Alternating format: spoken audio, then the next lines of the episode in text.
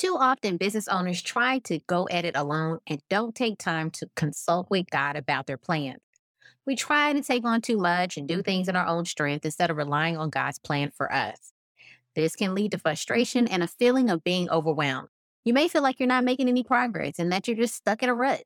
Hi, I'm Alicia, the Impact Mentor from theimpactmentor.com I mentor Black and Brown female authors, retired teachers, speakers, coaches, and consultants to build streams of income with divine core content that they use for their weekly video, podcast, or show. Together, we build paid digital products with their core content so they smash their revenue milestones without overwhelm, burnout, and stress with my brand content coding method. So let me ask you are you looking for a deeper level of success in business? I feel like we all are. But if you're anything like me, then you've had successes and wins in business. However, when you've hit those goals, they felt a little lackluster.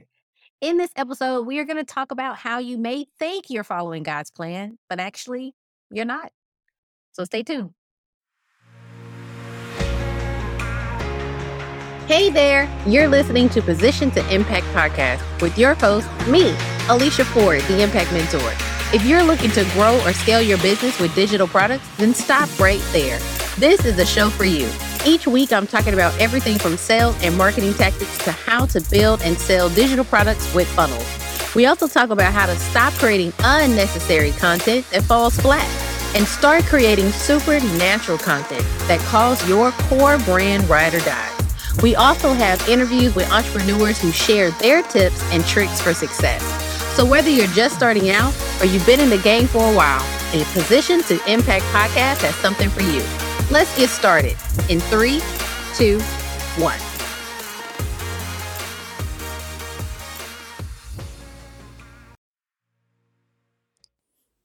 Hey, hey, hey, it is Alicia, the Impact Mentor. Welcome back. I'm super excited for today.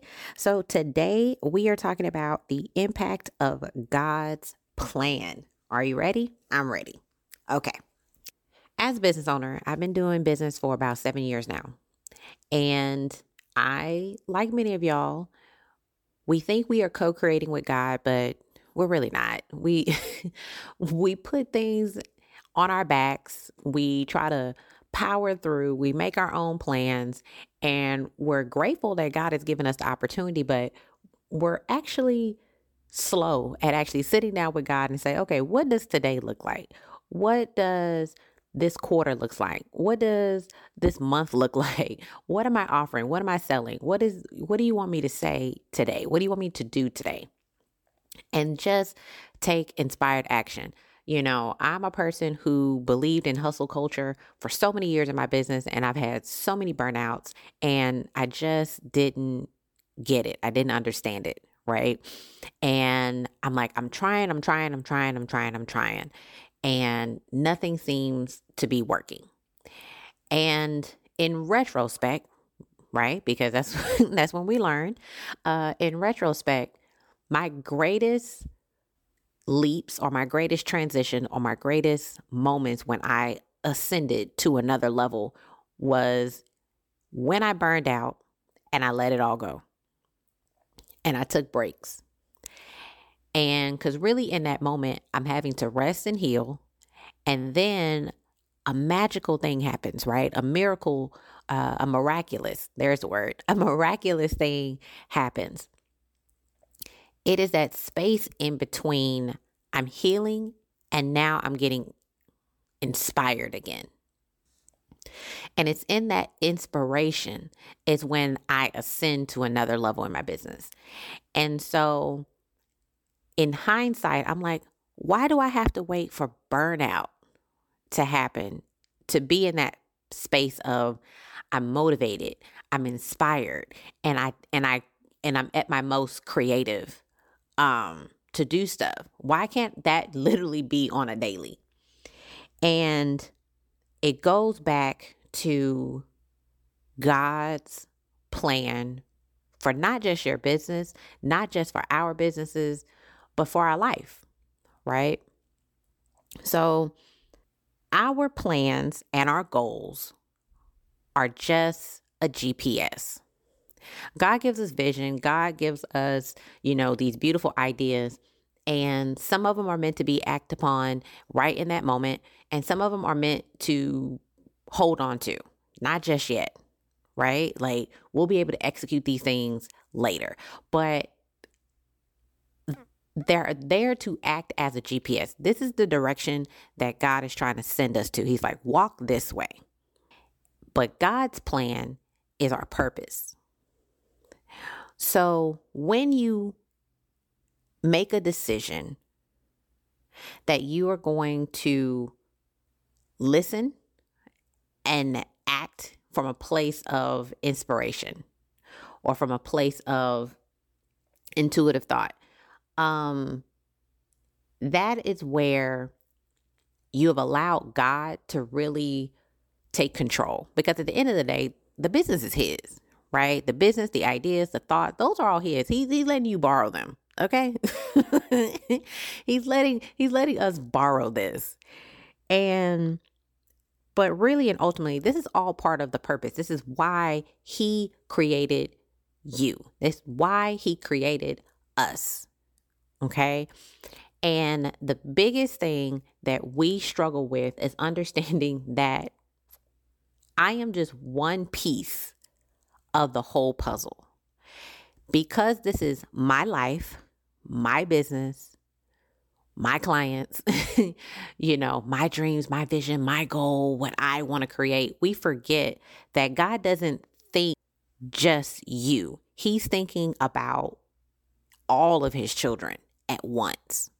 And so sometimes when we take a direction and it literally feels like it didn't mm-hmm. work or it didn't, it's not going the way we thought it would, because God has the bigger vision, sometimes it looks like it's not working or that it, it failed or it didn't go the way we thought it would. But in God's plan, it did because you touched someone that he needed you to touch. You said something that someone needed to hear. And it needed to come from you. It maybe they've heard it before, but they had to hear it from you because they know you. They know your background. They know where you started. You're relatable. You they are connected to you. And so our businesses and what we do are divinely connected to the bigger picture. And as frustrating as that is, a lot of times, because we can't see it. God is not going to reveal every single connection that you make all the time. God is not going to reveal every time you help somebody. You are helping somebody right now simply from existing, simply from having a business, simply from posting that post. But it's always it's not going to always equate to a dollar sign because you're doing something for the kingdom. And society and the human world will have us believe that you're in business solely to make money. And God's like, no, you're in business for souls. Can you wrap your mind around that for a moment? Like let's let's really wrap our minds around that for a moment. Like our business is here to bring souls to God to help someone. When you help someone, it it locks in on that person and it stays with them for a long time. Think about someone in your past that have said something to you that you still remember to this day, that you still equate what they did to catapult you in a direction that you would have never thought. That is what he's doing with us, with you, and it can be frustrating in the flesh because, yeah, we want the accolades, we want the money, we want the recognition, we want the growth, we want, you know, the certain lifestyle, we want the certain perks, we want all of that stuff, right? And we want it right now, right? Like we want it yesterday. we want to be, you know, multi, multi, multi uh, millionaires right now. We want to break generational curses. We want to do all of that right now. and God's like, okay, we getting there, but uh, I need you to go this way though, because you have to save souls along the way. You need to bring people to me along the way. And that doesn't always look like you know, the evangelistic thing that we think about, right? Like, you know, when we see people like, oh, God loves you, and they pass out something or they give you something, or, you know, they're standing on the street corner. It doesn't always be that way. Simply by me choosing to follow God and do what He told me to do and follow in the order and take the path that He's asked me to to take, I'm helping people, whether directly or indirectly. And that's powerful to think because we forget again that we are just one piece of the puzzle and that we're all intertwined and we're all connected. So when it comes to God's plan is our purpose, the more you rest in in the belief that God is guiding this thing. God is it's already built. I'm just along for the ride. And I trust his timing. I trust his plans. I trust his purpose because he has a macro view that I will never have. Right? I can always look behind me at what he's building and where I started and where I'm where I am now. But the reality is I don't have that macro view and I will never have that micro view, right? So if I trust in that, I will get a better understanding as to why he created me, why he created you. I will get a better understanding as to why he wanted me to go this way.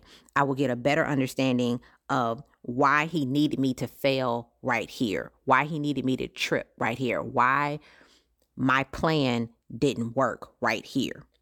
I get a better understanding of why he needed me to burn out and break down right here because it was all designed to bring me even closer to him and remind me that I need him. If I'm going to do this the way I've envisioned, the way he dropped that little that little desire in my heart, I need him. I can't do this by myself. I can't put this on my shoulders and and and power through. I don't have the strength to do what he needs me to do in my human strength. I don't. I need his strength. The best way I've heard this is from Joyce Meyer. She has a book called Do It Afraid. And she says, God's thoughts and ways are higher than ours. He loves us. So when we try to force a plan that he knows won't be good for us, he lovingly interferes and blocks its success because he has something much better in his plan. As business owners, as as women who believe without a shadow of a doubt that they've been put here for something bigger and more meaningful. If you are a woman who look at your business like, yeah, I want the money, but it's so much more than just the money. Like what I'm doing, what my business is doing is so much bigger we have to lean on that. Like we have to rest in the fact that I can have all these plans. And when they don't work, it's not a reflection of me. It's not that I did something wrong. It's not that I'm not good enough. It's, daughter, I have something bigger and better for you. So I don't want what you plan to succeed because then you'll miss the bus on this opportunity that I have coming for you. That's powerful. That's so powerful. So I hope you receive this message today. Let me know in the comments what you think. All right, until next time, bye.